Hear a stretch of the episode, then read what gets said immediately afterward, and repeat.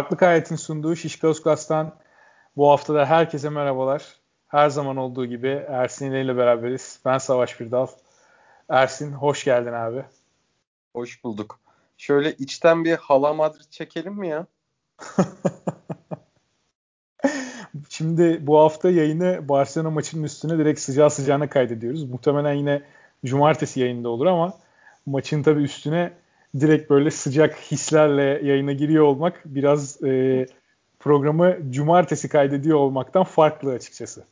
Hissediyorsun değil mi abi? Adrenalin daha yüksek oluyor kesinlikle. Kesinlikle öyle. Bir de yani şimdi bir mutsuzluk bastı maç başından maalesef. Maalesef yani. Ya bunu bu arada yani Veseli'nin oyun tarzıyla vesaire ve sakatlığa yatkınlığıyla ya bu zamana kadar da iyi kötü geldi kral. İnşallah da yani inşallah da sezonu kendi açısından çok çok iyi götürdü. Yani çok güzel şeyler izletti bize. İnşallah sezonu sahada tamamlama fırsatı da bulur. Yani sakatlığından sıkıntılı bir şey çıkmaz. İnşallah diyelim abi. Ben hafta yani iyi bir durum bile olsa hani beklenenin altında bir süre bile olmayacak olsa haftaya oynayacağını zannetmiyorum. Real maçına zaten çıkmasın yani. Yani gerek de yok açıkçası. E, Fenerbahçe'nin bu maçta oynadığı oyunu görünce hemen onu araya sıkıştırayım. E, Real Madrid maçında Veselisiz bir Fenerbahçe'nin kazanma şansı çok daha az değil gibi durdu. E, iyi oynadı çünkü Fenerbahçe. Yani bazı yerlerde tabii Barcelona çok ağır bastı. Veseli olsa da Barcelona'nın ağır basacağı yerler vardı. E, Fenerbahçe ile başladık. Fenerbahçe'ye devam edelim istersen ama Hı. bence e, Bayern maçından alıp başlayalım. Çünkü orada çok iyi bir performans vardı Fenerbahçe adına. Orayı konuşmak lazım. Barcelona maçı biraz şanssız bir maçtı. Hem Veseli'nin sakatlığı işte e, hakemle alakalı da fikirlerimizden bahsederiz biraz. E, Dekol'un maçın sonunda yaşadığı bir diz dize çarpışma Kalates'le. E, Dekol da maçı e, bitiremedi sağlıklı bir şekilde. Ama diz dizeyi hepimiz yaşadık. Diz dizeyi hepimiz yaşadık. O iki dakika boyunca dünyanın en acısı. O iki dakika boyunca dünyanın en büyük acısı ama 121. saniyede sanki yokmuş gibi bir şey. Yani umarım başka bir sıkıntı yoktur. bu bu e, abi bu şeyi konsepti hayatımıza katan literatüre katan Kaan Kural'a da ben buradan selam göndermek istiyorum. NBA maçlarında yıllarca Kaan abinin sürekli böyle bir dizide çarpışma olduğu zaman e, ilk söylediği şey hep bu olurdu işte dizide çarpıştığın zaman öyle bir anlık bir acı olur ama sonrasında dizide, çarp, dizide çarpışmadan kalıcı bir hasar olmaz diye umarız Dekolo da e, o durumdadır diyelim. Vallahi Peki son bir şey söyleyeceğim bu konuda. Çok fazla böbrek sıkıntısı çektim biliyorsun yıllarca. Diş sıkıntısı bazen çekiyorum. Ama bu diz dize çarpışmanın acısı hepsini koyar geçer ya. Abi hakikaten öyle ya. Yani amatör olarak da basketbol oynamış e, herhangi biri bunu bilecektir yani. Onu e, yaşamamış insan yoktur diye düşünüyorum. Basketbol sevdası olup da. Ve program sonunda da bir anımı anlatmak istiyorum. Bunu da şimdiden rezerve ettim. Tamam rezerve et. Sonunda hatırlatacağım sana bunu. Tamamdır.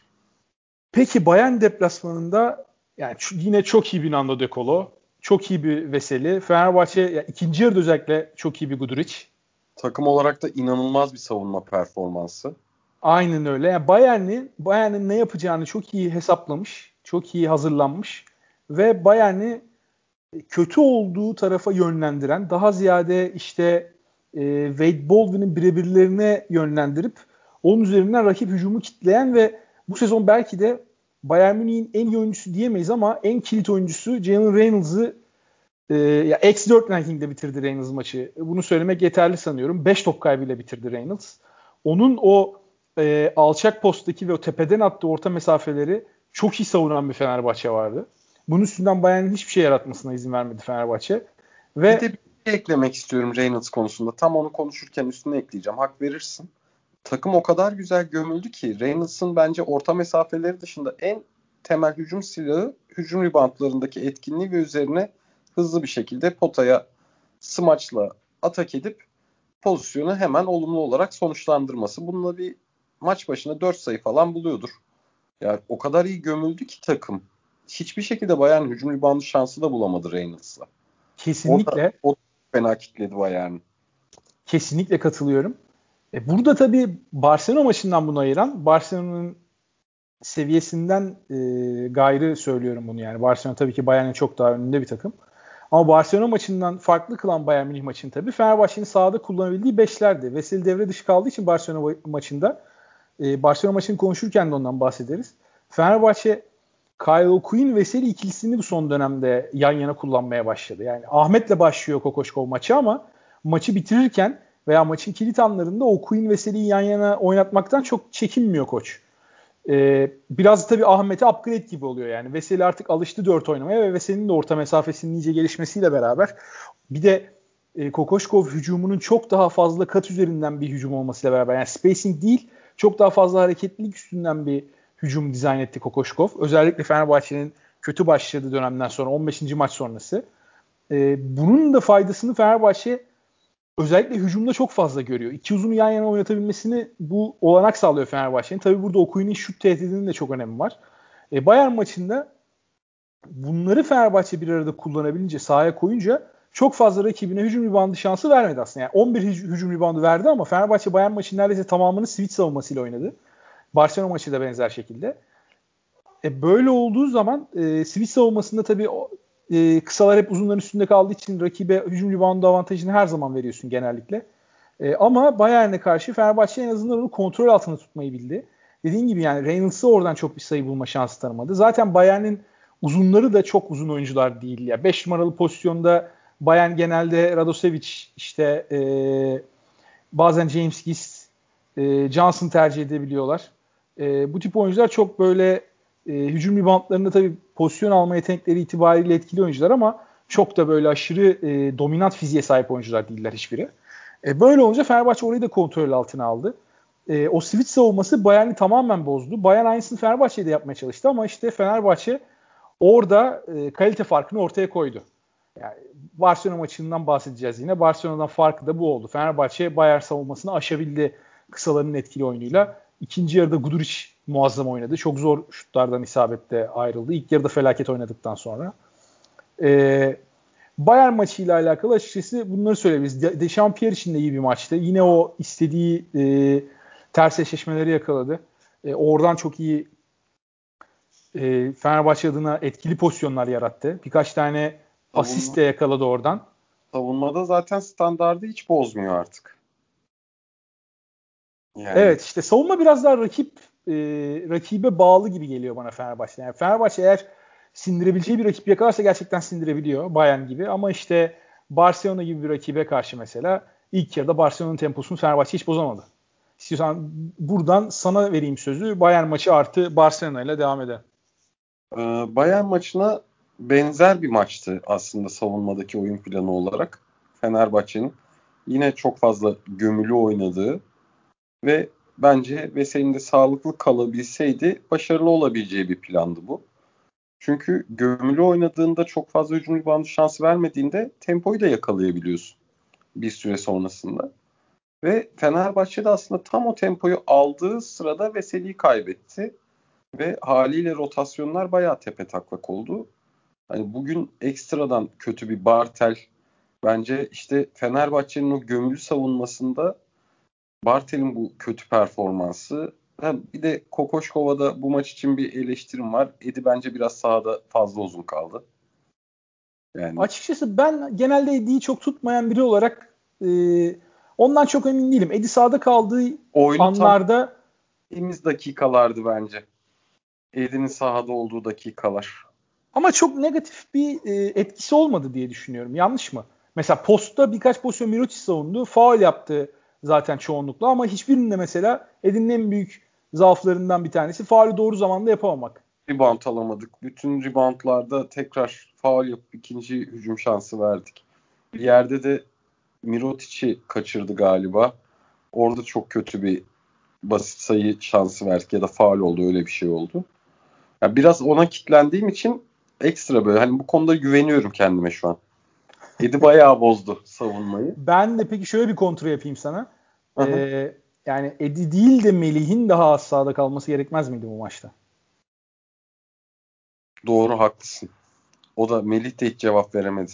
Melih 20 dakika oynadı. Bir tane üçlü var maçın başında. Fenerbahçe ilk sayısı yanılmıyorsam. Potaya kafasını kaldırıp bakmadı. Bak hani baktırmadılar da diyebiliriz. Hı hı. Ama işte hani şey değil hani benim hep söylediğim bir şey var ya Melih aslında topla çok kötü bir oyuncu değil. Bu oyunları kullanabiliriz.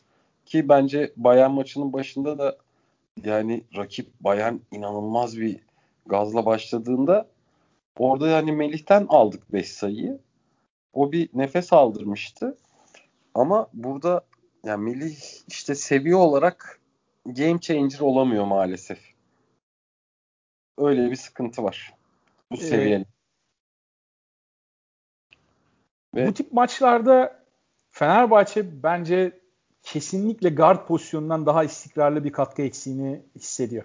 Yani Lorenzo Brown için iyi bir hafta evet. geçmedi çift maç haftasını geride bırakırken. Bayern Münih maçında da Brown çok iyi değildi.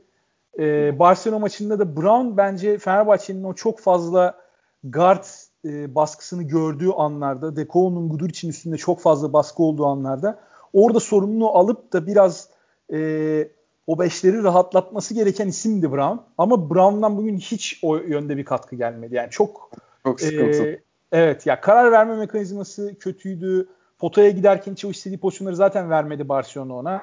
E, bir asist, iki top kaybı, 8'de bir şut isabetiyle tamamladı Brown maçı. Yani Brown'dan biraz farklı bir şeyler gelse mesela ekstra bir Brown maçı olsa.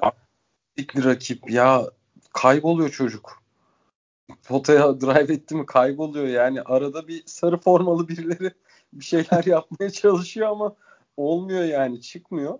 Şöyle bir şey diyeceğim. Ben Bayern maçında Brown'un kötü oynadığına katılmıyorum. İstikrarlı gitmedi maçın içerisinde. Ama ya şimdi karşısındaki Baldwin tam bir piç. Brown da, Brown da dedi ki kral sen piçsen ben senden piçim. Elinden aldı topu. Arada bir slalomlar yaptı. Çok böyle bak oyunun sıkıştığı bir iki yerde bir tane top çalma üstü turnikesi var. Ee, bir tane daha direkt pas arası var. Ya oralarda böyle maç gidiyormuş gibiydi. Ondan sonra dedi ki tamam yani dedi ki yani tamam bu iş şeyde kontrol altında. Ya, o tarz adrenalin katkıları verdi maçta. Ya işte ya Fenerbahçe'de artık belli. Yani Dekolo, Veseli ve Dekolo Veseli ana aktörler. Ha, Guduric de öyle ama Guduric ve Pierre ana aktör ama tamamlayıcı rolü Tuğla Çimento rolünü çok iyi oynayan oyuncular. Ya bu dörtlünün yanına Fenerbahçe'nin işte bugün Okuyun e, işte o maçta Brown yine bence o katkıyı verdi. Bu katkıyı verebilecek bir oyuncuya daha ihtiyacı var ama. Fenerbahçe'de yani o kalan 8 kişilik rotasyondan 2 katkı, 2 oyuncudan katkı muhakkak gelmeli. Bugün o sadece o Queen'den geldi. Bugünün sıkıntısı da o var. Ee, şimdi şöyle düşünüyorum. O, Lorenzo Brown Bayern Münih maçında sana katılıyorum. Bir iki yerde çok kritik katkı verdi ama sezonun geneline baktığımız zaman çok inişli çıkışlı bir tabii, guard tabii. profili görüyoruz. Öyle Ve Fenerbahçe'nin e, bugün geldiği noktada şimdi Fenerbahçe dördüncülük için oynayacak. E, playoff'a kalmayı iki hafta kala garantiledi. Fenerbahçe'nin hedefi de artık daha üstleri zorlamak olmalı. Önümüzdeki sezonda. de var bu arada. Dördüncü. Özellikle. Tabii tabii altıncılığa düşme tehlikesi de var. Hatta yani e, şu an Bayern Münih şey Bayern Münih diyorum. E, Real Madrid Olympiakos'un karşısında galip 11 sayıyla son çeyrek oynanıyor. 13'tü galiba. E, Bayern Münih haftaya Fenerbahçe'yi yener. Şey Bayern Münih deyip duruyorum ya. Bayern Münih haftaya Barcelona'ya kaybeder. Fenerbahçe de haftaya Real Madrid'e kaybederse bu durumda e, yani İkili bir... beşli bir average olma ihtimali yok. Dörtlü bir average olma ihtimali bile var. Eğer şey var, kazanırsa. Doğru. Zenit ama galiba, yaparsa. Ama oralardan da galiba böyle dördüncü ya da beşinci çıkıyoruz. E, yani şey Milan öyle var gibi ikili... geliyor bana sanki. Ya emin değilim bu arada. O dörtlü averajda işler değişebilir.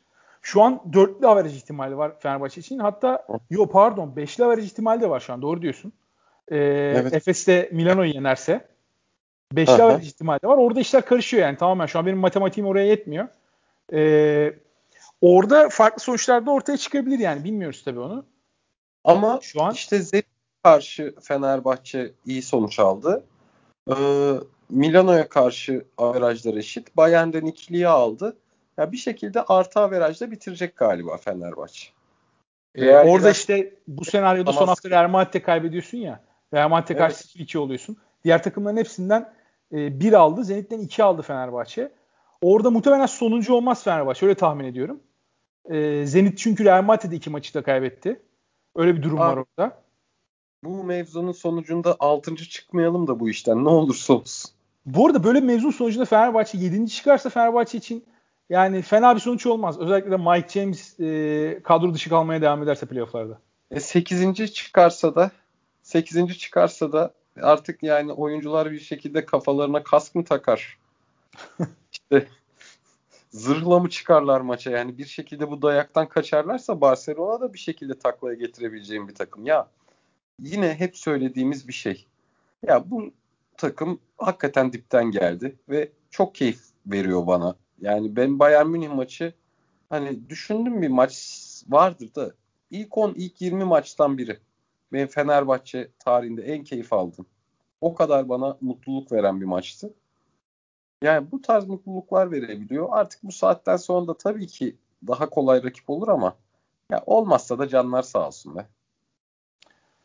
Ee, ya Fenerbahçe'nin dediğin gibi geldiği noktaya baktığımız zaman bulunduğu noktadan 3-4 ay önce şu an geldiği noktaya baktığımız zaman bu sezon şu andan itibaren Fenerbahçe için önümüzdeki 4 maçı da kaybedip Fenerbahçe e, playoff'ta süpürülerek elense bile bir başarı olarak yazılabilecek bir sezon bence. Bence de.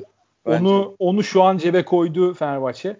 Ee, özellikle yani vesile olmazsa zaten Fenerbahçe için şu an ya bu saatten sonra alacak her galibiyet artı yazar playoff'ta. Vesile olursa da Fenerbahçe yine elense bile iyi bir mücadele ortaya koyduğu sürece playoff'ta çok fazla kimsenin şikayet olacağını ben zannetmiyorum. Ee, burada önümüzdeki sezon için çok iyi bir yapı taşı oldu bu sezon. Kesinlikle. Kesinlikle.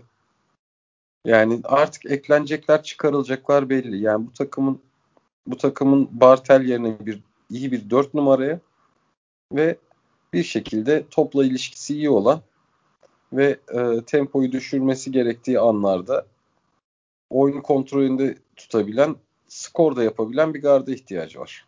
E, bir de Ulanovas yerine bir forvet lazım tabii. E tabii. Biraz daha şütör özellikleri olan. Ama tamamen boş küme olduğu için. Yerine ne gelse Artezar diyorsun. Evet ya gerçi gelen gideni aratıyor genelde ama. Böyle Abi Bartel demişken e, ya Ulanovas o kadar az katkı verdi ki bu arada bu evet. sezon. Yani gelen gideni biraz zor aratır. Ya keşke Kalinic kalsaydı dedirtti Fenerbahçe taraftarına ki Kalinic'in de son sezonu Fenerbahçe taraftarı biraz yılmıştı Kalinic'ten. Ama Kalinic bu sezon e, kendi çapında bir rönesans yaşayınca Valencia'da çok iyi bir sezon geçirdi o da. Ayın MVP'si oldu hatta bir ay. E, öyle olunca keşke Kalinici göndermese miydik sesleri çıkmaya başladı. Ben sana ama Bartel'i soracağım. Ya bir pozisyon var. Servis atış kullanıyor Barcelona. Bak benim en kızdığım şeylerden bir tanesi bu. Hücum ribandı verebilirsin. Özellikle bu kadar yoğun switch savunması yapıyorken hücum ribandı verdikleri zaman ben kızmıyorum. Sadece böyle kaçınılamaz bir son olarak görüyorum hücum, hücum ribandını ve hayal kırıklığı yaşıyorum yani. Tam böyle bir kızmadım hayal kırıklığı yaşıyorum diyen baba olur ya. Öyle, o o şekilde o şekilde izliyorum abi hücum reboundu pozisyonlarını. Ama yani bir pozisyon var. Mirotic'le Bartel servis atışı kimin servis atışı hatırlamıyorum. Kalates olabilir. Bir tane Kalates'in 2 artı 1 sonrası mı? Ya da Davies mi? Tam hatırlayamadım. Neyse. Bir pozisyonda abi o kadar bariz bir şekilde gerisinde kaldı ki önünde olduğu Mirotic'in. Yani evet. Ve pota at kamerasından çekiliyordu bu pozisyon. O kadar net bir şekilde onu izledik ki Bartel'le alakalı bütün hayal kırıklığım sezon boyunca gelen orada benim zirve yaptı resmen. Ya Bartel tamam abi hücumda sen alışkın olduğun pozisyonun dışında oynatılıyor olabilirsin. İşte Covid geçirdin, döndün, ritmini yakalayamadın. Yani sezonun Fenerbahçe'nin kötü oynadığı döneminde fena da oynamıyordun. Ama yani bu mücadele eksikliği ve bu aşırı çıt kırıldımlık Bartel cephesinden gelen yani sıfır oyuna e, nasıl diyeyim bir ateş katma konusunda sıfır Bartel'den gelen katkı. E, bu beni çok kızdırıyor. Ya orada mesela sezon ortasında gelen Kyle O'Quinn çok daha e, inanır ve çok daha her topu atlar biçimde maçın her anında var. Ya Bartel'den ben kötü oynasa bile şutlar girmesin, şutlar kaçsın, airball atsın gerekiyorsa. Üçlükler bugün bir pozisyonda üçlü öyle bir attı ki topun doğrultusu potaya doğru gitmiyordu yani. Zorla çemberin yanına devrildi top anca. Panyaya sıkışacaktı neredeyse. sana bir şey soracağım. Ee, bu gündem bu ara ülkede gerçekten çok karışık ve kötü durumda ya. Ee, bu senin hayata karşı motivasyonunu etkiledi mi? Çalışmaya karşı vesaire. Beni etkiledi çünkü. Abi kesinlikle etkiledi. Etkilememesi mümkün değil. Yani. Bartel de coğrafya kaderdir deyip salmış olabilir mi tamamen kendisini? Gerçekten bu Abi, kadarın anlamı yok yani. Bizim kadar... Bartel'le e, öyle bizim şey değildi. Ya bizim Bartel'le farkımız ama Bartel Türkiye'de yaşayıp da TL ile maaş almıyor yani öyle bir farkımız var. Ve artık bizim kaç katımız maaş alıyor onu da şu an hesaplayıp depresyona girmek istemiyorum yani. Bartel'in o kadar da şeye lüksü yok. Yani eğer diyorsa ki ben çok böyle evimi özledim, homesick hissediyorum. FM'de olurdu ya böyle çok e, hevesle bir tane topçu alırsın. 3 ay sonra ben evimi özledim diye geri dönmek ister. Yani eğer öyle bir moddaysa da sezon sonu artık e, ilk uçakla Münih'e geri gönderirsin yani. Ne diyeyim daha?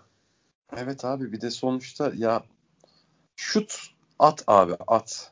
At yani. Sen sen o şutları iyi kötü atabiliyorsun diye geldim Fenerbahçe'ye. Şimdi yani. abi bak şut at deyince aklıma çok e, ilginç bir şey geldi. Ya Bartel ile şey arasında doğal bir kıyas oluyor ya hep böyle Melli arasında. Aha. Tipler de benziyor hafif böyle. Hafif Aha. artık saçı sakalı salmış böyle. E, Melli Alman değil ama o da Almanya'dan geldi. O ekolden gelmiş. E, iki tane Fenerbahçe'nin 4 numara niyetiyle aldığı oyuncu. Yani ben hala Bartel'in 4 numara olduğuna inanmıyorum da. Melli de mesela o şutları atmazdı. Yani Melli de delirtirdi bazen yani. Boşluğu atmazdı ama Melli o topu yere vurduğunda Melli'nin verdiği 10 karardan 9 tanesi doğruydu. Ya burada Bartel tamam abi sen topu yere vur eyvallah. Topu yere vuruyorsun da o topu yere vurmanın sonucunda bir tane ben daha olumlu bir şey olduğunu görmedim.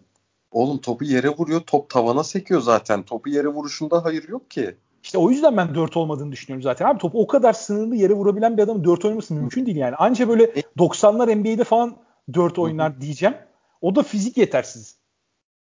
Melli tık tık tık vuruyordu topu yere. Şey yapmıyordun yani. O da saçmalıyordu bazen de.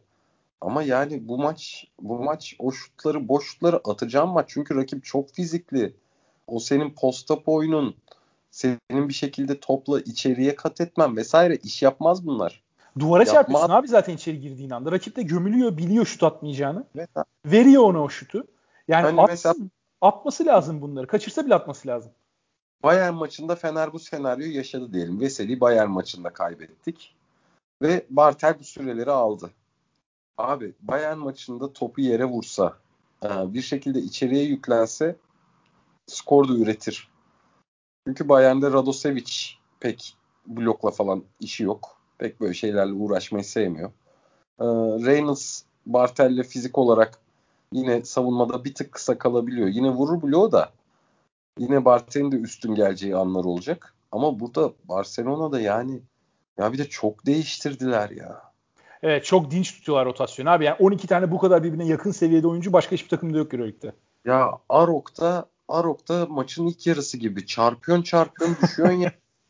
Hakikaten, hakikaten öyle yani. Yani şey değildi bu böyle birinin ekmek kırması lazımdı kafasında.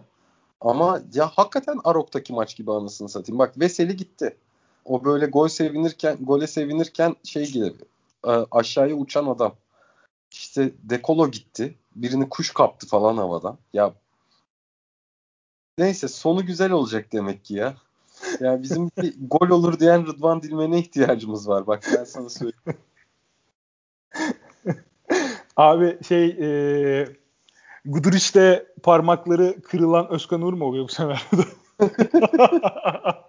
Yok o şey o başarabilirim başarabilirim o Ulanovas ya.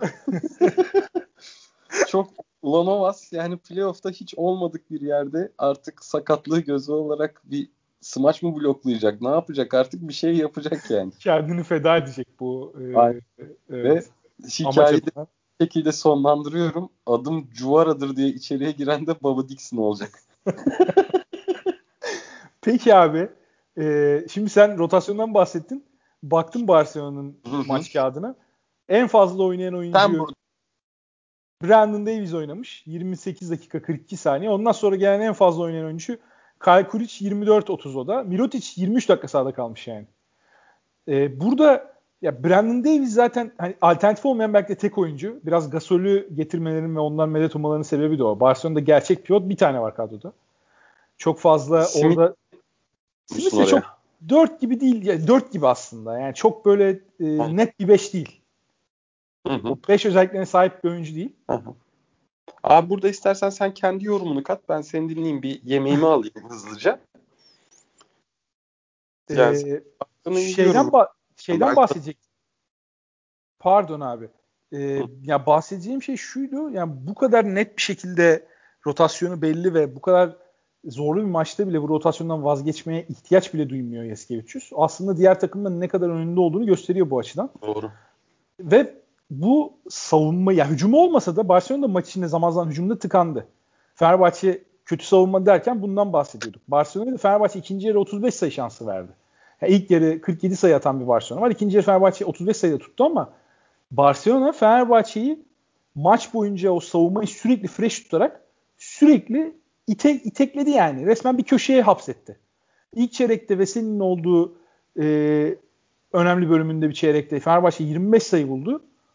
E sonrasında 17, 16 ve 15 sayı bulabilen bir Fenerbahçe var. Yani burada e, dediğim gibi guardlardan da pek katkı gelmedi. E, Fenerbahçe'de Guduric'le e, Okuin skoru sürükledi. İşte Deko da çok böyle o skor ağırlığını koyduğu maçlardan birinde değildi. Özellikle şeyden de bahsetmek istiyorum. Yani Dişampierre için de e, çok iyi bir maç değildi. İki tane çok zor üçlük attı. Ama Pierre için de herhalde bu sezonun en ters maçı. Çünkü çok fazla ters eşleşme kovalayan bir oyuncu Pierre. Ama Barcelona'ya bakıyorsun rakibe ters eşleşme diye bir şey var mı? Yok. Yani öyle bir takım. Çünkü ilk beşe bakıyorsun abi. Kalates, işte e, Higgins, Abrines, Oriola, Mirotic.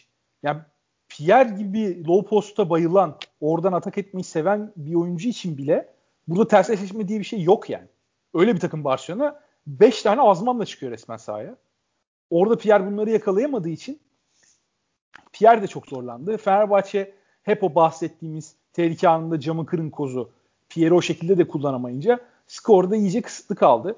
E, Bartel'den de hiçbir şey gelmedi. E, bu Fenerbahçe'yi tabii e, 73 sayıda tuttu. Sezonun ikinci yarısında çokça 85'leri 90'ları görmesine alışkın olduğumuz bir Fenerbahçe'yi e, Barcelona e, ilk maçta olduğu kadar hırpalayamasa da bu maçta da bayağı sertliğiyle hırpaladı diyeyim ve sertlikten Ama bahsetmişken e, senden bir hakem yorumu alayım. Valla şimdi hani böyle tekrarı verilen ya da çok odaklandığımız yani çünkü biliyorsun yani ben o kadar aslında hakemden şikayet etmeyi sevmiyorum. Yani bizim arada konuştuğumuz bir grupta genelde hakem isyanlarımı yapıyorum. Ama çok da sevmem. Ama gerçekten çok yordu. Yani Gudur için izledikleri pozisyon net sportmenlik dışı var. Çok net. Yani hiçbir şekilde kaçarı yok. Mirot için Dekola'ya olan el kol çekme hareketi buna ilk kez teknik faul çalınmadığını gördüm. iki senedir.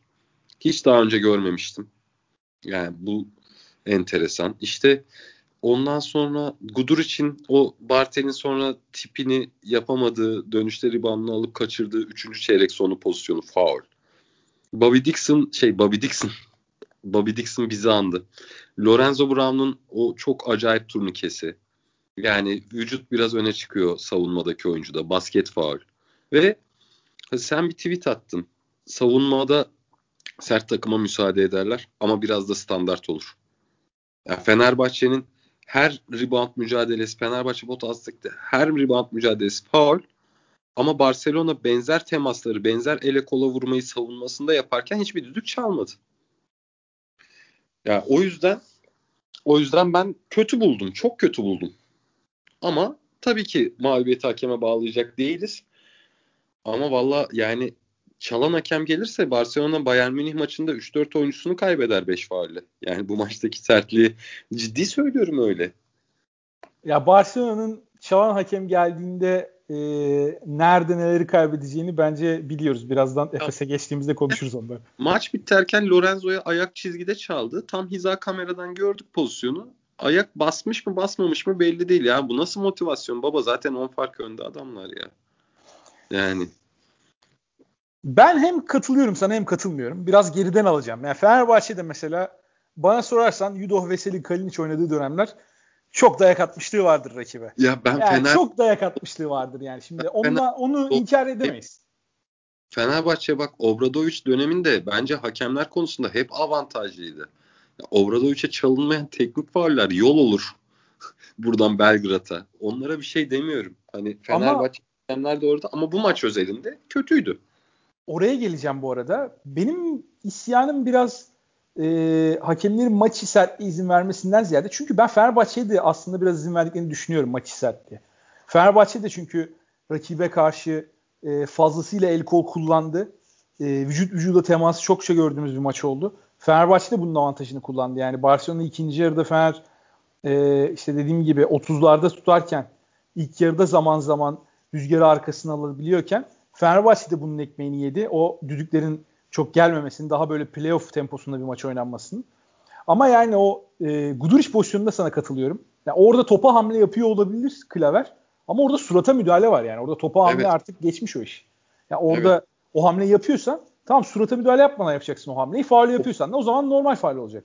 Topa orada katılıyorum. Ok sert. Hani surata el çarpar bir şey olur. Mesela Dekolo'ya da rebound mücadelesinde el surata çarptı. Arkadaki adam nasıl denk getirecek suratı?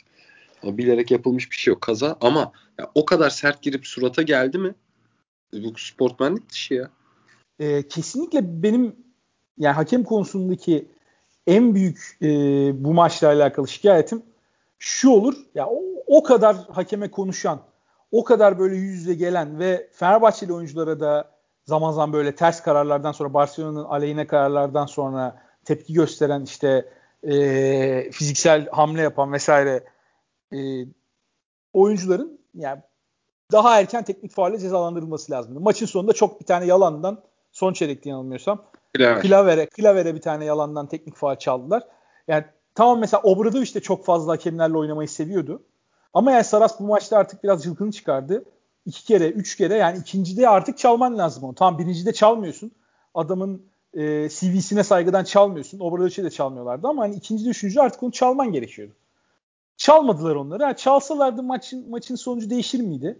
Özellikle Veseli de sakatken. Hey, çok zannetmiyorum. Çok zannetmiyorum. Barcelona yine kazanırdı bu maçı bir şekilde. Çünkü Fenerbahçe dediğim gibi yani Fenerbahçe hücumuna Barcelona savunması çok büyük üstünlük sağladı.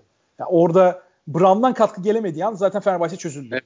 Yani Guduric Dekolo'nun üstünde binince ve Guduric Dekolo'yu çok iyi savununca. Okuyun'un katkısı çünkü Veseli'nin ikamesi oldu bu maçta. Aynen öyle oldu evet. Biraz öyle oldu gerçekten. Ee, orada Fenerbahçe'yi rahatlatacak ekstra eller gelmedi. Özellikle de Veseli'nin eksikliğinde Fenerbahçe ana plandan uzaklaşmışken. Yani bir şey daha diyeceğim. Çağlar Uzunca sen tanıyorsun. Twitter'da onun tweetini gördüm biz kayda başlamadan önce. İşte e, Yaskevicius Reneses'in Aytor hocamın 90'lardaki fe- felsefesini uyguluyor denilmiş. 20 faal yaparsan 20'sini de çalarlar. 50 faal yaparsan 30'unu çalarlar. Barcelona biraz öyle oynuyor. Ya işte büyük takım olduğun zaman ve fiziksel olarak bu kadar rakiplerine üstün olduğun zaman iyi savunma takımı olduğunu da hakemler biliyorsa ve öyle bir nam salmışsan mesela şey de biliyoruz geçen senelerden Campazzo'nun e, rakibi adeta boğazladı ama faal çalınmayan pozisyonlar. İşte o sen o e, reputasyona sahip olduğun noktada senin dediğin noktaya geliyor iş. 50 faal yaparsan gerçekten 30'unu çalıyorlar veya 20'sini çalıyorlar. Çünkü bugün bakarsan istatistik kağıdına e, Barcelona yine çok fazla faal yaptı. Yani Fenerbahçe için hani sert bir maçtı. Belki daha fazla faal çıkabilir miydi Barcelona diyorsun ama Barcelona yine e, yani Fenerbahçeli oyuncuları 22 faal yapılmış bu maçta. Aha. Abi 3. Barcelona çeyrek... oyuncuları 20 faal yapılmış mesela. Barcelona daha fazla faal yapmış. 3. çeyrekte 6 dakika çıkmadı. Barcelona. Ama işte kritik yerlerde evet. o e, şeyi gördüğün zaman tolerans hakemlerden oyuncular da bunu bir pozisyon o to- toleransı gördüğü zaman ikinci pozisyonda aynı şekilde o sertliği uygulayabiliyor. Ben şöyle e, ben rebound pozisyonlarında çok basit çaldıklarını düşünüyorum. Yani Barcelona'nın savunmasında yapılan el kolları benzerleri bizim rebound pozisyonlarında oldu ve takır takır çaldılar. Ben burada bir adaletsizlik olduğunu düşünüyorum. İşte Fenerbahçe'nin de skora gidebileceği bir sportmenlik dışını vermediler. Bir de Gudur için çeyrek sonundaki iki atışını vermediler. E bunlar da kritik anlar. Yani yani çal, çalınacak düdüklerdi. Ya geçen pandemi öncesi Barcelona maçında da Bisank gelmişti hatırlıyor musun? Ee, geçen seneki mi? Hı hı. Vallahi hakemi hatırlamadım şimdi o maçtaki. Bisank'tı hakem. Biz çünkü Berke ile full kendisine kitlendiğimiz için maç boyu bir yerde bir pozisyonda ayar olup adı ne ya bunun falan deyip böyle. Ama o maçta da Barcelona çok sertti. Onu da hatırlıyorum yani. Bu maçın bir benzeriydi evet, aslında. Evet. E, orada da işte böyle bir şey olmuştu. Ya valla bilmiyorum. Final Four'da ne olur ne biter. Ama bu sertlik bu sertlik çok can yakar Final Four'da. Yani bu düdükler ekstra her pozisyona dikkat ederler yani şeyde e, izleyenler bu sefer. Ee, buradan Efes'e bağlayacağım. Abi ya Efes'e karşı bu sertliği uygulayamıyorsun. Yani o sertliği uygulayabilmen için bir kere yakalayabilmen lazım. Yani Larkin'e dokunamadığın zaman bir sertliğin manası kalmıyor yani. O formadan mı çekecek ne yapacak? Zaten Sportbank dışı oluyor direkt. Orada ya, farkı yaratan o zaten Efes adına. O yüzden bu kadar ters geliyorlar Barcelona'ya. Doğru. Doğru. Ya Efes de aslında e, çok kolay bir Real Madrid maçı oynadı ama çok olaylı bir Baskonya maçı geçirdi. Orada da Baskonya Ma- maçını uzun uzun konuşmak lazım. Çok güzel maçtı. Abi burada topu sana bırakacağım. Ben iki tane şey ben Milano maçını izledim. Ben Efes maçını hiç izleyemedim. Hani sana ne desem boş olur. Ama uzatma periyodunu izledim. Harikaydı. Efes'in oradaki oyunu. Larkin'in oradaki oyunu inanılmazdı. Ama Efes'i bir al bir sen izlediğin kadarıyla yorumla. Ben de ondan sonrasında Valencia Olympiakos ve Olimpia Milano Panathinaikos maçlarını izledim. Benim de o maçlar için konuşacak çok şeyim var. Real Madrid maçını izleyebildin mi sen Efes? Ee, izledim bir devre izleyebildim ama.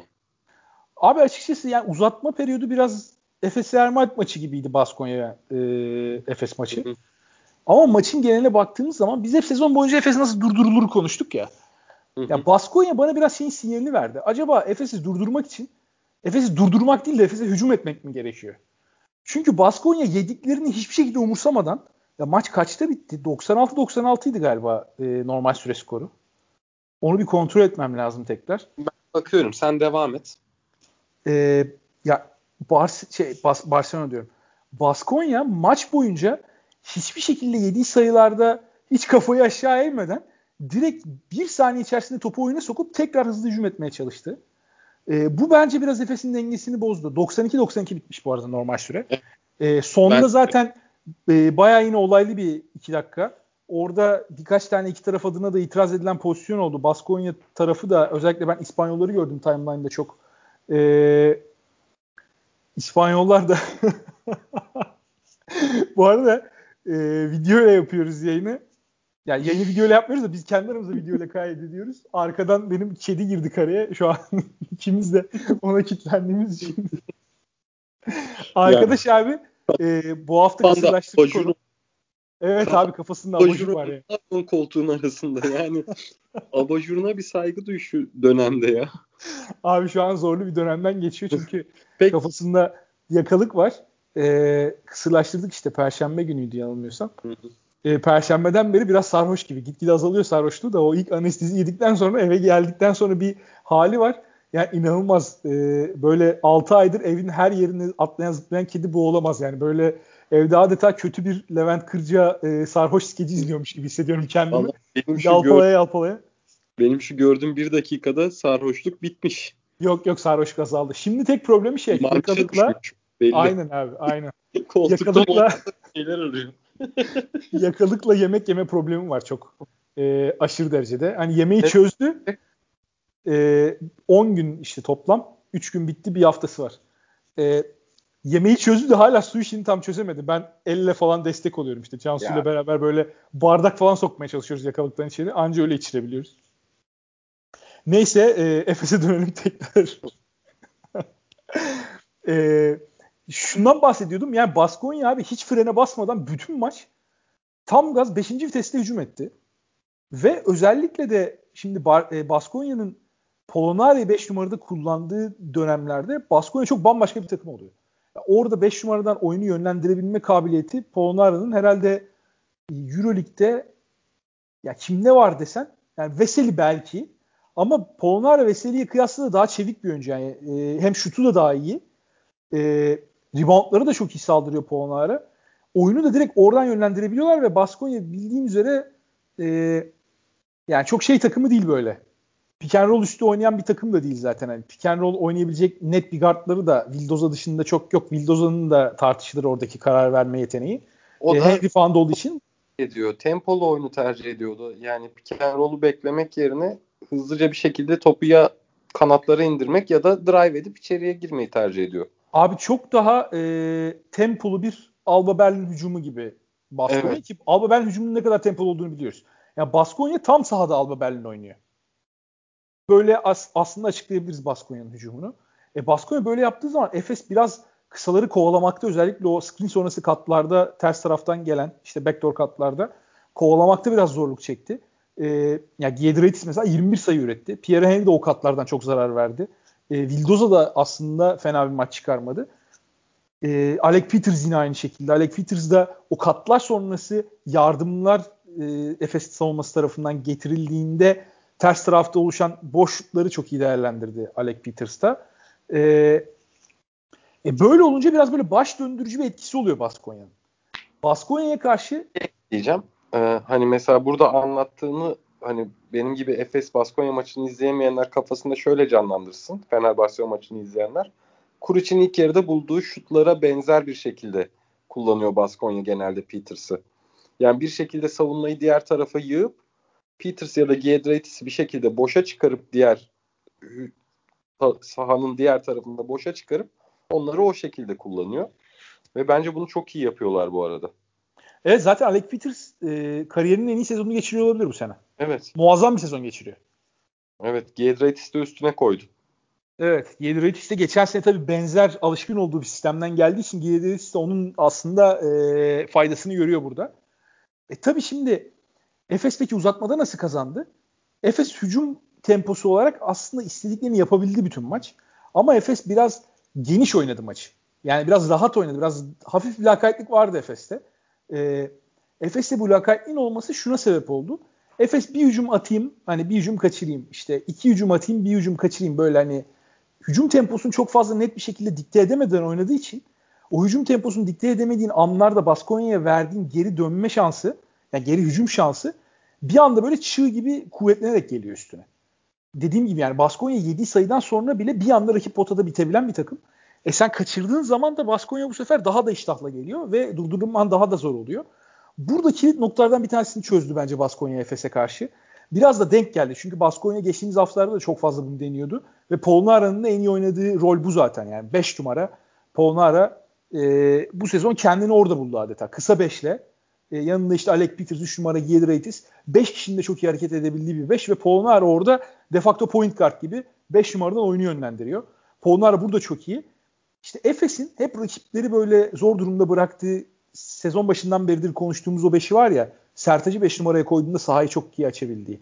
İlk defa bu sezon ben o 5'in Efes'e e, eksi yazdığını gördüm. Doğru. Çünkü Sertaç'ın karşısında çok hareketli bir tane 5 numara koyduğun zaman, dribling üstünden de oynayabilen bir adam koyduğun zaman bu sefer Sertaç orada ağır kaldı. Ve tam sahaya çektiğin zaman oyunu Sertaç kovalayamadı Polonara'yı çoğu zaman. Yani Polonara çok net bir şekilde oyunu yönlendirme şansı buldu. Ve Efes'in maçı çözebilmesini e, sağlayan şeylerden bir tanesi ne oldu dersen Efes'in maçı çözebilme e, şansı yaratan Efes'e yani Sertaç yine fena bir maç oynamadı hücum olarak. Çizgiye çok fazla geldi. Orada fizik avantajını iyi kullandı ama Sertaç 5 yedikten sonra Efes Boerman Singleton 4-5'e döndüğü zaman orada Efes maçı çözdü. Hem hücumu iyi kontrol etti Efes orada. Tempoyu iyi ayarladı. Baskonya'ya üstüne böyle e, dediğim gibi haldır haldır gelme şansı tanımadı. Hem de savunmada daha iyi eşleşti rakibiyle. Efes aslında maçı orada çözdü. Yani uzatmada Efes'in bu kadar ağır basmasının sebebi oydu. Artı tabii yani artık e, oraya parantez olarak bakıyoruz Efes adına hani e, Efes'in garanti olan şeylerden biri olarak bakıyoruz. Yani Larkin'in performansı. Larkin yine uzatmada e, işleri biraz çığırından çıkardı diyelim. Çok zor şutlar soktu. E, 30 sayıyla bitirdi zaten maçı. Efes de biraz bu maçta top dolaşımı sıkıntılıydı. Yani Baskonya'nın savunmasıyla da bunun alakası var.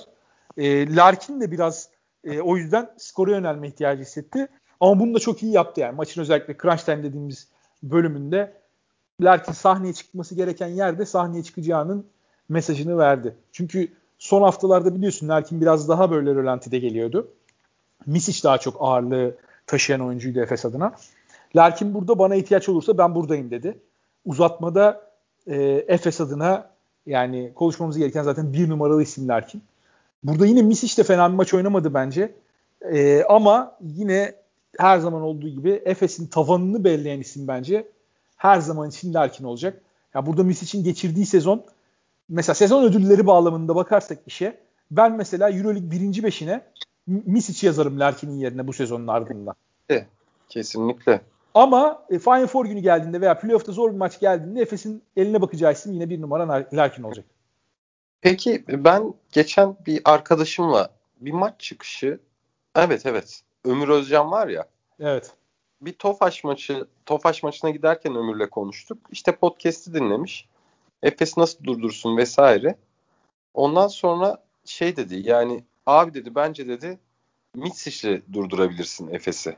Aslında bu maç bu maç o tezi de yani ben hak vermiştim. Biraz konuştuk üzerine. Ee, ama bu maç bence o tezi biraz boşa çıkarıyor. Açıkçası ben Baskonya'nın başta söyledim ya Baskonya Efes'i durdurmak için çıkmamış.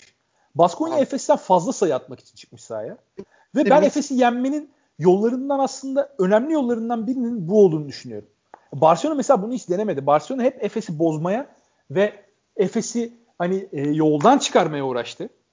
Barcelona'nın yapmaya çalıştığı şey o oldu ama Barcelona bunu hiç başarılı olmadı. Barcelona belki de tempoyu daha da yükseltip mesela daha da kısa beşlere dönse, Mirotic'i beşe atsa, e, Sertaç'ı o şekilde bozmaya çalışsa, Efes'in de sistemini o şekilde biraz baltalamaya çalışsa Barcelona daha başarılı olabilirdi belki. Bunu göremedik yani. Ama Saras'ın da karakterinin çok dışında bu oyun stili. O yüzden görür müyüz onu da bilmiyorum. Ee, sadece Mirotic de değil. Oriola ve Klaver de var. Hızlı bir şekilde oynayacak takımda 5 oynayabilecek. Ama yani onların hücum tehdidi kısıtlı kalıyor abi. Ha yok. Ama işte bir şekilde mücadele gücü katar. Yani çünkü hani Barcelona'da da bu sefer o sahaya atacağın hücumcu 5 o kadar yetenekli ki. Ya ya da hiç Mirotic, Davis de yapsan yine bu şekilde bir şekilde yürür ayrıca. Davis çok tempolu perde çıkışlarında vesaire. Çok Ama hızlı abi işte gidiyor. orada Sertaç'a karşı bir e, eşleşme avantajı yaratamıyorsun. O Ayak benim hareket, bahsettiğim yani hücum olarak diyorum. Yetmiyor bence, abi Sertaç bu sezon e, rakip uzunluğu karşısında gayet iyi kalabiliyor yani. Yok koşabilen bir takımda Davis'in ayak çabukluğu, atletizmi yetmez mi sence? Yetebilir diye dedim o yüzden diyorum. Ama işte oradaki problem şu Barcelona koşmuyor. Ha işte yok yok koşan takım dedim. Hani o senaryoda Davis iş yapmaz mı dedim ya. Ya Polonara kadar fark yaratmaz orada. O roller tamam, farklı. Peki, peki bir şey diyemiyorum. Sen ya mesela şunu yazdın. Şunu düşündüm. Pa- çok pardon abi. Barcelona evet. sezon başı şey konuşuluyordu ya hep. E, Veseli Barcelona istiyor falan filan. Ya Barcelona eskaza Veseli'yi almış olsa Fenerbahçe o hatayı yapmış olsa hani o dönem biz de konuştuk acaba Veseli'den artık hani çıkıp da daha yeni bir yapılanmaya mı gidilse falan diye. Ya Barcelona eskaza Veseli'yi almış olsa herhalde e, o zaman yenil, gerçekten yenilmez olacaklardı ama şu an hala Barcelona'nın puan zehri Efes'in elinde duruyor. Abi yani Higgins ve Mirotic e, bence atmaları gereken şutun yarısını atabildiği sürece Barcelona hep tıkanacak zaten bir şekilde hücumda. Yani top dolaştırma vesaire bence bu takımda bu yani gerçekten bence ikisi en büyük hücum silahları şu an Larkin dışında Euroleague'deki. Higgins ve Mirotic. Ama çok rolleri çok kısıtlı. Yani bu Barcelona takımını açıkçası Ergin Ataman elinde görmek isterdim ya. Bence abi olay olay ben koçlu olduğunu düşünmüyorum abi. Yani Ergin Ataman tamam Barcelona'nın başına geçsin de Larkin'e Misic'e verdiği özgürlüğü Barcelona'da kime verirsin ve aynı seviyede verim alırsın? Alamazsın kimseden. Öyle bir kadrosu yok Barcelona. Barcelona e, guard profili itibariyle yarı sahada oynamaya biraz e, yani mahkum gibi. Tam Kalates yarı saha oyuncusu değil. Ama e, şimdi şöyle diyeyim. Barcelona'nın beşine baktığın zaman Barcelona'nın zirve yaptığı nokta işin zaten savunma tarafı. Yani hücumda o beşi yerleştirdiğin zaman oturmuyor taşlar yerine. Ya Fenerbahçe'de mesela çok iyi bir savunma takımı değil, ortalama bir savunma takımı. Geçen Twitter'da gördüm bir yabancı hesap paylaşmıştı savunma hücum verimliliklerini. Fenerbahçe hücum verimliliğinde son 10 haftada Efes'in arkasından ikinci sırada. Yani Efes inanılmaz zaten tarihi bir verimlilik seviyesinde oynuyor. 100, başın, 100 pozisyon başına e, 130 sayı gibi uçuk bir rakam üretiyor. Fenerbahçe 110-115'ler civarında. Hı-hı. Ama Fenerbahçe'nin savunması lig ortalamasında. Efes'in savunması da 3. sırada ligde. Son 10 maça baktığımız zaman. Efes Milano'ya 112 sayı atmaz der misin? Demezsin şu an. Ya yüzü geçer diyorsun artık Efes oynadığı zaman yani. Öyle bir noktaya geldi işler.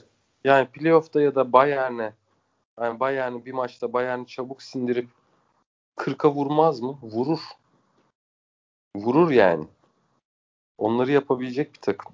İşte ben de bu noktada Efes'in hücumunu kontrol altına almaktan daha kolay olan şeyin Efes'in savunmasını bozmak olduğunu düşünüyorum. Peki e, döve döve yenen Trinkieri desem? Abi döve döve yenen Trinkieri onu 10 maç oynasın bir kere yapar. O denk geldi diyorsun. Çünkü bir de çok... son topta son topta faal vardı orada ya.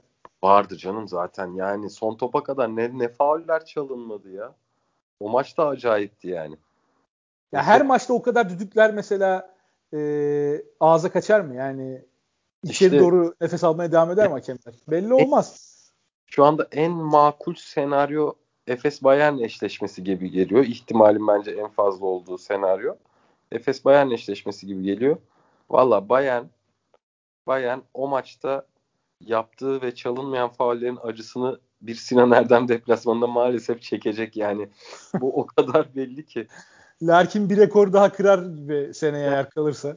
Larkin mi rekor kırar, takım sayı rekoru mu kırılır, bir çeyrekteki en çok sayı rekoru mu kırılır ama bir rekor kırılır o iki maçta iç sahadaki. Peki abi yine Efes özel parantezi hı hı. E, klasikleşen artık Kurnoslav Simon. Abi bu adam yani Benjamin Button artık başka bir açıklama bulamıyorum gerçekten. Evet ya Efes'te bir şekilde o hani bize ikinci bir oyunu yönlendirici lazım diye kötü senesinde geldi. Adam tarihin en iyi Efes'inde, tarihin en iyi Efes'inde o da tam bir şey. Ee, çimento ya yine. İnanılmaz bir kapsayıcı yönü var. Yani hücumu kontrol ediyor. Her türlü ribanda katkı veriyor. Zaten asist yeteneği muazzam. E, aşırı yüzdeli sokuyor. E, daha ne olsun yani bir bir yardımcı guardtan ne beklersin yani? E, bunu bir de Real Madrid maçından doğru alarak söylüyorum. Real Madrid maçında harika oynadı Simon. Evet evet. Evet. Bu arada sana Real Madrid maçı ile ilgili onun üzerinden biraz zaman geçti ama Lasso Lasso bir kurtluk yaptı galiba be. Tavares şov yaptı abi. Lasso, Lasso çok net şov yaptı. Belliydi o maçın zaten 20'ye 30'a doğru gideceği. Tavares. Lasso dedi ki tamam benim ee, şey olsun hani dostlar tamam. alışverişte görsün böyle. Tavares gidince dedi bunlar bizi kaskallarlar dedi büyük ihtimalle bu saatten sonra. Biraz orada boşa bir yiğitlik çabası oldu Lasso'dan. Seviyorum ben böyle koç şovlarını. Bu arada yani e, biraz da hafif böyle Ergin Ataman'ın e, kitabından çalınmış bir harekette evet, evet. ben benzettim. Evet, e, yönetmen burada bu işin ustasına bir selam çakıyor. ben bu hafta Valencia Olympiakos maçını izledim. Ya inanılmaz bir maçtı. Biliyorsun değil mi maçın hikayesini? Biliyorum abi bilmem 30'dan dönüyordu neredeyse Valencia değil mi? yani bu arada 30 hakikaten dönülecek bir fark değilmiş. Çünkü dönülecek olsaydı bu maçta dönerdi. Ya Olympiakos bir ara topu atamıyordu potaya ya. Topu atamıyordu yani. inanılmazdı. Ama orada da koçun çok büyük hatası var. Baba dönsene Sulukas'a. 6 dakika 7 dakika Spanulis'e götürdü. E yani Valencia'da bir başladı Spanulis'e ikilileri getirmeye vesaire. Bir anda maç 10 farka geldi.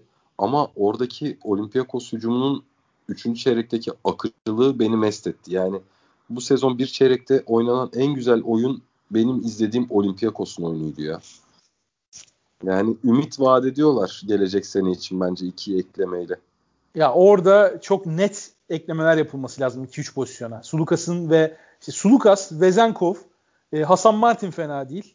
Hani Aaron Harrison gibi sistemde kullanılabilir ama artık o kenardan gelen e, Printezis Spornis'in yerini tamamen birilerine devretmeleri lazım biraz. Evet evet. Ki bu maçta da ama bu maçta da işte Printezis aynı en büyük star olduğu dönemler gibi oynadı. O zaten çok fazla uçurdu. Üçüncü çeyrekte takımı. Yani bir daha herhalde Printezis'in ya böyle maçı olur da bana denk gelmez herhalde. Yani en son güzel bir şovunu izledik. Bu saatten sonra Olympiakos maçında Printezis denk geldi mi bir daha aynısı olmaz deyip hemen kanal değiştiririm. O kadar acayip bir oyundu. Yani özlenen böyle o neresinden atarsa atsın giren turnikeleri yine bir şekilde soktuğu üçlükleriyle mest etti. Milano Panathinaikos maçında ben yani bir Messina takımının nasıl böyle kontak kapattığını hiç anlamadım. Yani ben Milano'yu biliyorsun sene başından beri çok tutuyorum. Yani bence bu galibiyet sayısından birkaç bir iki fazla da alabilirlerdi bu arada. Bence bu hani şey değil. Bence çok yani beklenti karşılayan bir performans sergilediler. Üstüne koymadılar ama yani takımın işte hakikaten bazen gardı kadar konuşuyor ya. Rodriguez bence bayağı sıkıntı Milano için playoff'ta. E, rakiplerin net hedef alacağı bir eşleşme olacak o. Evet abi. Ya bu arada Panathinaikos Milano maçını Shelvin Mack'in intikamı olarak da yorumlayabiliriz. Uzatmada estirdi. Ya ama Milano çok düştü. Ya Milano şimdi hani pivot pozisyonunda Heinz'in olmadığı dakikalarda sıkıntı var ama yani öyle çok fazla da gel hadi at içeriye turnikeni ben de yoluma bakayım takımı değil. Ya o bir acayipti. Mac o kadar rahat turnikeler buldu ki. Ya bak sen atarsın. Ben belki ya birkaç atamadım. tane çok zor da bitirdi ama abi. Hem faul aldı hem de bir iki tane de çok zor bitirdi. Aa işte ama o kadar rahat girdi ki bitireceği ana kadar. Doğru, doğru. Çok şeydi yani hani hem ayak gücünü alabildi hem iyi sıçrayabildi hem potaya giderken rahat yani nereden bırakabileceğini gördü. Çok çok rahattı. Bu hele yani bir maçın bir uzatmasında bu kadar rahat fırsat vermek garipti. Yani maçı kaybetmenin Milano'ya bir faydası yok. Hani rakip mi seçti diye düşündüm. Sonra bir, bir daha açtım puan durumunu. Yok rakip seçme durumu da yok. Yok abi yani orada son 4-5 dakikada zaten bayağı bildiğim bir çöküş var Milan adına. Ben o de kadar... Hezonya'nın basketinden sonra uzatmaya götüren e, uzatmaya açtım izledim tamamını. Yani Milano ne yaptığı belli olmayan bir takım gibiydi. Sanki sezon başından beridir 15-16. sıralarda gezinen Milano da Panathinaikos hani playoff pozisyonunu belirlemek için oynuyor gibiydi maç uzatmada. Evet. Yani o derece Milano, dağınık takımdı. Yani Milano işte Shields, Lidey, Panther böyle eklemeleri var ama Milano'nun kadrosuna baktığında yani her oyuncu şöyle cebinden CV'sini çıkarsın, koysun ortaya. Herhalde toplam 5 Euroleague şampiyonluğu var en az. Yani Rodriguez Rodriguez işte bir CSK'da yaşadı. Bir CSK'da Beşten yaşadı. fazla abi ya. Heinz'de 4 tane yok mu zaten sırf? Heinz'in var. E yani. Bir tane Datome'de var. var. 6 oldu. Ee, biraz düşünelim. Var. Misov'da sanki CSK'da yedekken falan Misov'da da bir tane olabilir. Yani işte yani playoff maçı ya da toplam maç sayısı garip geldi. Yani bir Milano bir iştah kabarttı o maçı görünce. Ee, Milano'nun bence sıkıntısı onlar şimdi Rodriguez ve Delaney birbirine çok zıt ama birbirini dengeleyen profilde oyuncular olarak kullanıyorlardı. Şimdi Rodriguez sistemi net bir şekilde işleten ama artık atletizmi düşmüş ve belli yerlerde o eski çabukluğu olmadığı için pozisyon yaratmakta zorlanabilen bir oyuncu konumunda geldiği yaş itibariyle. Delaney tam tersi. Yani Delaney istediğini yapabilen ama karar verme konusunda sıkıntı yaşayan bir oyuncu. Ee, orada ikisini dengeleyici rolde zaman zaman bir arada zaman zaman birbirini yedekleyecek şekilde kullanıyorlardı. Şimdi iş tamamen Rodriguez ile Panther'ın eline baktığı için Panther da iyi olduğunda çok iyi, kötü olduğunda felaket bir oyuncu olduğu için e, orada dengesizlikler yaşayabiliyorlar maç içinde. Yani maç içi istikrarsızlıklar aslında onların e, durumunu biraz belirliyor. Fenerbahçe maçında da mesela benzer şeyleri görmüştük. Muhtemelen Efes maçında da benzer şeyleri görürüz haftaya. Ya Panther'ın iyi oynadığı bir 4-5 dakikalık dönem Milano böyle ligin en iyi takımı gibi olabiliyor. Panther öyle şutlar sokuyor Doğru. ki el üstünden. Doğru. Ama Panther'da işte topu hiç elinden çıkarma alışkanlığı olmadığı için ya yani potaya gitmediği sürece topu birine vermiyor Panther. Ee, o da yani bir iki numara için bence günümüz basketbolunda olabilecek en kötü özelliklerden bir tanesi. Tamam çok iyi skorer olabilirsin. Panther gerçekten çok iyi skorer. Yani çok verimli bir skorer. Ama işte o topu bazen vermen gerektiğinde vermiyorsan ne kadar iyi skorer olursan ol. E, hani derler ya yani bazen kendi ayağına sıkma işte o. E, yani şöyle bir deyiş var ya hani basket bir kişiyi mutlu eder, asist yaparsın iki kişiyi mutlu eder diye. Yani tam belki skora ikisi de artı 2 yazıyor veya ikisi de artı 3 yazıyor Panther attığında veya Panther o pası verdiğinde ama o pası verdiğinde işte o tempoyu ve akışkanlığı sağlamış oluyorsun. Mino bazen bunun sıkıntısını çekiyor. Hücumda yani, özellikle. Yani Fenerbahçe 4 ya da 5 bence bu seyircisiz maçlarda yani bir İsrail'e ya da Rusya'ya gitmiyorsan çok bir sıkıntı yok. Yani Rusya'da da taraftarlık zaten Zenit dışında bir dalgası yok. O da ayrı. Ee, şey çok sıkıntı değil. Ya burada Türk basketbolu adına yani Fenerbahçe için daha kötü olur tabii de buradan çıkacak en talihsiz sonuç Efes Fenerbahçe eşleşmesi olur. Çünkü eğer Efes yani Efes Fenerbahçe eşleşmezse ben Final Four'da iki Türk takımı olma ihtimalinin çok düşük olduğunu düşünmüyorum yani. Bir tanesi zaten kesin olacak diye hı hı. bakıyoruz artık. Efes elebilecek takım yani yok açıkçası.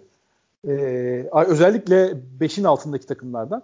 Fenerbahçe Efes'e denk gelmezse bayağı bir şansı olur Final Four'una. Yani şöyle diyeyim yarı yarıya olur Fenerbahçe'nin rakiple şansı en az.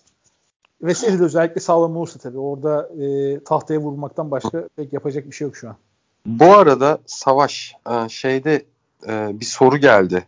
Biz daha programı kaydederken ben hani ya soru almadan soru soran Kaan Birgül'e teşekkür ediyorum ilgisi için. E, o soruyu da bir soralım ve yavaştan kapatalım programı istersen. Kapatalım abi. Evet ben de gördüm o soruyu. O soruyu konuşalım istiyorsan. Açtım şu an. Merhaba. Melih Mahmutoğlu ve Gerald Eddy'yi Barcelona maçına kattıkları ve katmadıklarıyla değerlendirebilir misiniz? Değerlendirdik aslında ama bu konuyu konuşmadık çok. Bir de koç Ahmet'i neden kullanmadı? Muhtemelen Barcelona uzunlarına karşı zayıf kalacaktı ama bunu konuşabilirseniz sevinirim. Teşekkürler demiş. Ee, Valla Ahmet'i aslında bayağı reboundda sıkıntı yaşadık. Yani Veseli Ahmet yerine çünkü Okuyun'un hücumdaki performansı tabii Veseli atletizminde değil ama gerçekten boştaki adamı iyi görüyor. Orta mesafe şutu da iyi. Yani güzel bir üçlük de soktu. Öyle dengeli bir şut çıkardı. Yani hani mesela Pierre'in bir tane üçlüğü var. Yani balaktı ellerinden o anda ama Okuyun'un o şutları da dengeliydi. Değerlendirilebilirdi aslında bence bir Okuyun Ahmet ikilisi. Ben katılmıyorum ona ya. Yani Ahmet'in oynayabileceği maçlar var. Ahmet'in katkı verebileceği maçlar var. Ee, ama Barcelona o maçlardan bir tanesi değil. Ya işte Ahmet'i yani hücumda hücum reboundu alsın ve tamamlasın rolüne koyduğunda işte burada sana şundan katılacağım. Bir pozisyon aslında verdi o şeyi. Ee, çok çabuk hücum reboundu alınca yine çok çabuk küçüldü Ahmet. Ahmet şu küçülme işini bir bırakamadı maalesef. Abi Ahmet'le alakalı benim derdim e, ya Ahmet'in zaten genel olarak rolünün hep sınırlı kalmasının en önemli sebebi. Fenerbahçe ağırlıklı olarak bu maçlarda switch savunması yapmak zorunda. Çünkü Fenerbahçe Ahmet. bu maçta yani switch savunması yapmazsa neler olacağını ilk maçta gördük Barcelona karşısındaki. Yani bu maçta 30'a giderdi öyle diyeyim. Fenerbahçe bu maçta ağırlıklı olarak switch savunması yapmak zorundaydı. Çünkü switch savunması yaparken bile o getirdiğin ikilik e, sıkıştırmalardan sonra Barcelona'nın ne kadar kolay boşluk verdiğini gör, bulduğunu gördük. Fenerbahçe bunu yapmasaydı direkt düz pick and roll savunsaydı Kalates zaten onları rahat rahat bulacaktı. Patır patır üçlükler yağmaya devam edecekti. Bundan da kötüsü olacaktı yani. Kuric 5 tane mi attı 6 tane mi attı bilmiyorum da 10 tane de atardı yani eğer öyle savunmasaydı. Bilmiyorum da en boşunu kaçırdı. Böyle iyi şut performansı olan maçlarda çok boş şutu kaçıran şutöre de uyuz oluyorum ya. Hakikaten en boşunu kaçırdı yani. O da artık biraz evet. şey oldu böyle. E, ortalamaya dönüş oldu. Benim de işte çok fazla hücum reboundu verdik ve hücum reboundlarına hiç giremedik. Belki Ahmet oralarda bir katkı yazardı ama onda da işte bir antitez var. Ya çok müsait pozisyonda aldı topu, küçüldü. Ondan sonra topu Bartel'e mi çıkardı? Sağ çaprazda birine çıkardı, canı çıktı. bak hani stamina bar bak. Stamina bar 90 mesela Ahmet'te. Giriyor çıkıyor falan. Az kalıyor. O pozisyonda hatırlıyorsun değil mi pozisyonu? Evet evet. O pozisyonda Ahmet'in staminası 42'ye falan düştü. Light injury çıktı abi. FIFA'da böyle full sprint attığın zaman oyunun staminası bir anda bitiyor ya. Onun gibi. Evet. Ben şimdi bir hikayemi anlatmak istiyorum. Evet abi senin hikayenle bitirelim. Ee, üniversite zamanı üniversite zamanı bizim de mahallemiz hani Caddebostan sahil ya da işte Bostanlı sahil vesaire gibi olmasa da bir basketbol mahallesidir göçmenlerden ağırlıklı. Bizim yaş grubunda biz çok fazla basket oynadığımız arkadaşımız vardı. Ee, neyse bir maç yapıyoruz. Onda da onda da 3. ligde amatörde futbol oynayan bir Ahmet var. Ahmet tam bir kemik adam. Yani çok sıkı savunuyor vesaire ama hücumla hiç alakası yok. Neyse şimdi baskette de tek potada da biliyorsun yani reboundu alan adama salarsın bir çıksın dersin yani hani ampul olmasın diye. Ama Ahmet'in pek salmayla işi yok. Ahmet'in de boyu benden 20 santim kısa. 1.75 civarı. Ben abi reboundu aldım. Kendimi sola doğru topla birlikte çektim. Ve bir anda dudağımda bir şey patladı. Neyse topu aldım çıktım. Ahmet'e deli oldum ama dudağım nasıl acıyor da maçı bırakmıyoruz işte delikanlıyız. Ondan sonra bir de ikinci ligde oynadı. Birinci ligde oynadım bilmiyorum da bir de bizim mahallede bir kadın basket ligine yolladığımız bir arkadaşımız da var Ayça. Ayça da bizimle oynuyor. Ayça beni savunuyordu pozisyonda. Neyse e, kaldırdım kafamı Ayça'ya baktım. Ayça şey dedi. Ersin dudağın dökülüyor. abi, abi ya dirsek öyle bir gelmiş ki dişim kesmiş ve estetik ameliyat oldum. Dört gün pipetle beslendim. Petibörüste bandım yedim. İnanılmazdı. Yani full dikiş. Ondan sonra dikişleri atan doktora aşık oldum. Üç haftada. Üç Tam haftada... bir Yeşilçam filmi çıktı ya. Oğlum bak şöyle söyleyeyim sana. Ee, doktorun adı ya söylemeyeyim neyse sana ayrı. Boş ver oralara oralara girmeyelim. Çünkü Bana... spesifik bir adı var. Spesifik bir adı var o yüzden yani. Ama Yok, bana kamera arkasında iletirsin abi. Şimdi oraya girmeyelim. evet. Ama yine de hiçbiri ne parmağı bak dudağım döküldü. Bak benim alt dudağım full silikon. Yok et yok o dudakta. Full silikon bastılar bildiğim böyle silikon tabancasıyla ve kapadılar dikişte. Neyse bak o dudak patlaması ve üzerine çektiğim acı ne orta parmağa top gelmesinin yanından geçer ne de diz dize çarpışmanın. Yani Dekolo artık o acısını bile tamamen unutmuştur. Evinde bir sarmıştır bacakları buza. Keyfini çıkarıyordur ya. Dekolo'da bir şey yoktur. Ama Veseli inşallah yarın şöyle bir işte burkulma, gerilme vesaire bir şey derler de kurtarırız yani. Çünkü o kadar sert bir burkulmanın daha kötü etkileri de olabilir. Ee, ya en iyi ihtimal herhalde en iyi ihtimal o da 2-3 hafta kaçıracağı bir burkulma ya kötü ihtimal en kötü ihtimalde e, hem bağ kopması olabilir hem o kadar 90 derece yatmışken bile kırık da olabilir yani. İnşallah olmaz diyelim de. Evet. Kötü ihtimalde bu. İşi biraz bilen arkadaşlar yazdı benzerini. Yani bu kırık işi de hemen belli olmaz. Yani inşallah yarın bir şey çıkmaz dediler de. Yani Neyse. çok şişik yok falan yazmışlar da o iş genelde zaten ertesi gün belli ya. oluyor. İlk gün net bir şekilde hani davul gibi şişmiyor. MR sonucu gelmiş olacak aslında kaydı insanlar dinlediği zaman. Evet. Yani inşallah güzel bir sonuç olur ve abi güzel sonuç geldi gözümüz aydın mentionları alırız deyip kapatalım yavaştan. İnşallah bakalım. Hikayeyi sen anlattın bu hafta sen kapat bence. Hayır sen kapat. bu, bu espriyi ikinci kez yapıyoruz podcast çerçevesinde. Umarım ama, üçüncüyü görmeyiz diyorum yani. Ama ben bu espri bana denk geldi mi bayıla bayıla yapıyorum. Çok özür dilerim yani. Abi klişeler hani klişe olmalarının bir sebebi var derler ya. Bu da onlardan bir tanesi bence. Değil mi? Eskimeyecek Bak, klişelerden bir tanesi yani. Sen, sen her yaptığında ben gülerim buna. Valla bence yani ülke olarak çok zor günlerden geçiyoruz. Yani dinleyen herkesin akıl sağlığını koruyabilmesini diliyorum bu hafta. Yani bu hafta değil sadece genel olarak tabii diliyoruz. Evet, tabii, yani inşallah önümüzdeki hafta işler biraz daha güzel olur ve daha sağlıklı şeyler düşünmek Bunu şey mi yaptım böyle önümüzdeki haftada dinlesinler de bir hafta daha akıl sağlığı dileyim ki bir abi, devamlık olsun diye. Abi dostlarımız bizi bırakmaz ya. Yani yani o podcast'te bir kez tıklayan Avrupa basketbolu sevdalısı der ki ben buradan devam ki ya. Evet, bizi bizi dinleyen dostlarımıza teşekkür ederek kapatayım ben de. Kendinize iyi bakın diyorum ben de. Hoşçakalın. Hoşçakalın.